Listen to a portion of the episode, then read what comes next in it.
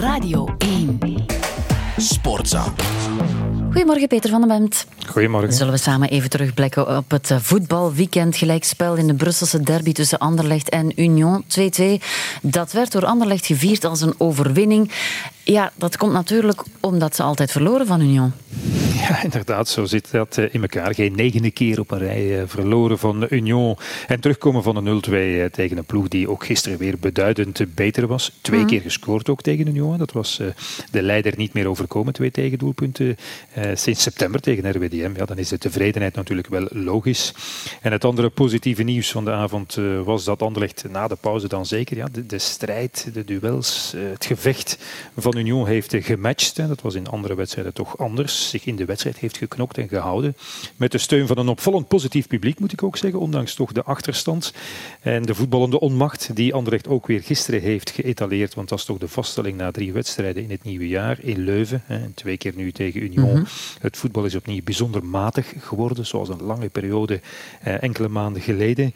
Eh, veel balbezit, daar wees coach Riemer op. Hij eh, interpreteerde dat verkeerdelijk als dominantie, denk ik. Nauwelijks een opening, een vlotte aanval, amper een kans. Ik denk een bal of twee tussen de palen. Dat is toch allemaal eh, zeer pover. En er zijn natuurlijk wel eh, verzachtende omstandigheden. Hè. Met eh, Torgen Hazard bijvoorbeeld zoekt de bepalende speler van Anderlecht in die periode dat echt goed voetbalde nog naar zijn fitheid en vorm. Net als Jari Verscharen, ook logisch en zo lang buiten strijd geweest. De Leni is eh, blijkbaar toch een zeer belangrijke afwezige, merk je nu, die de rest beter laat voetballen. En oké, met, met een twijfelende Patrice, met Arnstad zowaar als flankverdedigers, ja, dan zit je toch een heel eind van de ideale wereld, denk ik. Dus op een of andere manier zit Anderlecht toch in een soort overlevingsmodus. Is het aanklampen tot die spelers eh, terugkeren of in betere vorm weer terugvinden. Maar goed, hoe dan ook, in Mechelen moet Riemer toch zijn elftal weer beter eh, mhm. laten voetballen en moet Anderlecht toch zelf weer een keer baas zijn met het.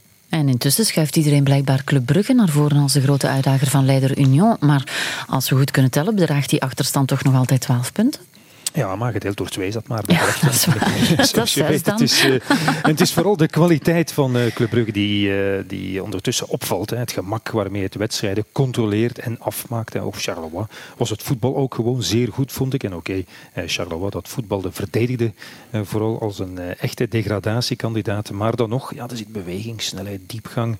het evenwicht is gevonden, defensieve stabiliteit. En als je dan ook nog eens een spits hebt die denk ik nu in totaal aan 17 doelpunten punten in elf wedstrijden zit met Thiago, ja, dan win je natuurlijk makkelijk je wedstrijden. En Club Brugge zit duidelijk in een uh, opwaartse spiraal. De zakelijkheid en het realisme waarmee Club Brugge dan ook indien nodig uitpakt, hè, zoals in de tweede op agenten bijvoorbeeld, ja, die zorgen er ook voor dat dat allemaal eh, goed loopt. En de indruk is dat Club Brugge de komende weken nog beter gaat worden. Niet onlogisch, want we hebben altijd gezegd, ook in die periodes dat eh, Club Brugge maar geen wedstrijden kon winnen, de resultaten negatief waren, dat het op papier nog altijd ja, de breedste en sterkste kern had van het land. En als je dan kijkt naar de problemen waarmee de concurrenten worstelen op dit moment, dan uh, zal Union inderdaad toch vooral voor Club Brugge moeten uitkijken. Hè. Over Anderlecht hebben we het al gehad. Agent kan geen wedstrijden meer winnen, moet uh, snel mhm. nieuwe spelers proberen inpassen. Bij Antwerp is de spoeling dun. En als je kijkt naar trainer Mark van Bommel, ja, die kan zijn ergernis nog nauwelijks uh, verbergen als hij op televisie verschijnt. En ook Racing Genk nu twee gelijke spelen op een rij, dat trappelt een beetje ter plaatse. 16 punten achterop al. Dus als je het mij vraagt, ja, Club Brugge dan maar. Ja, bij afwezigheid van anderen misschien. Er was ook een Limburgse derby en die eindigde op een gelijkspel, 1-1. Helaas is die uitslag niet waarvoor deze derby zal herinnerd worden, alweer. Moest de wedstrijd stilgelegd liever worden? Hè? Hoe lang nog? Dat is de vraag, denk ik, ja, Peter.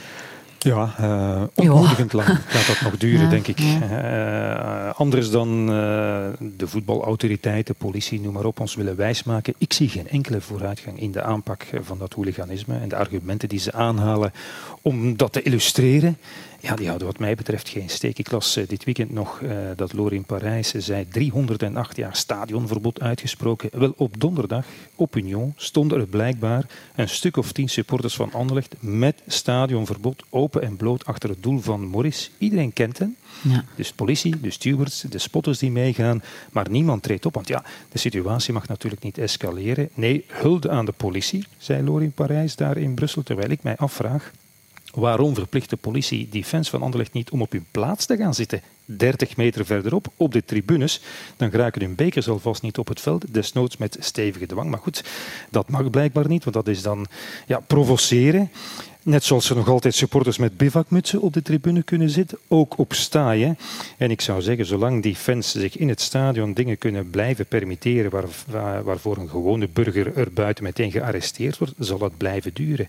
Identiteitscontrole van supporters is voorlopig nog altijd zo lek als een zeef. Er wordt nauwelijks gecontroleerd, dat is de realiteit. En die staat echt ver van wat men ons probeert wijs te maken, wat ons wordt voorgespiegeld. En dat wordt mij elke keer opnieuw bevestigd door mensen die naar het voetbal gaan. Die dus in de, actuele, de realiteit zitten. En, en echt iedereen, dat merk je, heeft er genoeg van. Al maar meer mensen geraken erdoor gedegoteerd. Ja, maar zeggen ze dan, het is een internationaal probleem. Ja, alsof dat een verzachtende omstandigheid is. Daar heb ik bij wijze van spreken geen boodschap aan. En, en uh, het erge is, uit het zicht van de camera's buiten de officiële verklaringen wijzen ze eigenlijk allemaal een beetje naar elkaar. De clubs zijn bang van hun harde kern, zegt de een, wat juist is. De politie heeft geen zin om hard op te treden, wat ook juist is. De overheid staat op de rem, enzovoort, enzovoort. Maar het is echt om, uh, om moedeloos van te worden. Het is wachten op uh, de volgende incidenten. Ik zou zeggen, hou deze week Mamboer maar een keer in de gaten. Dat is dan het volgende. Dankjewel, Peter van den Bent. Sportza. Sportza.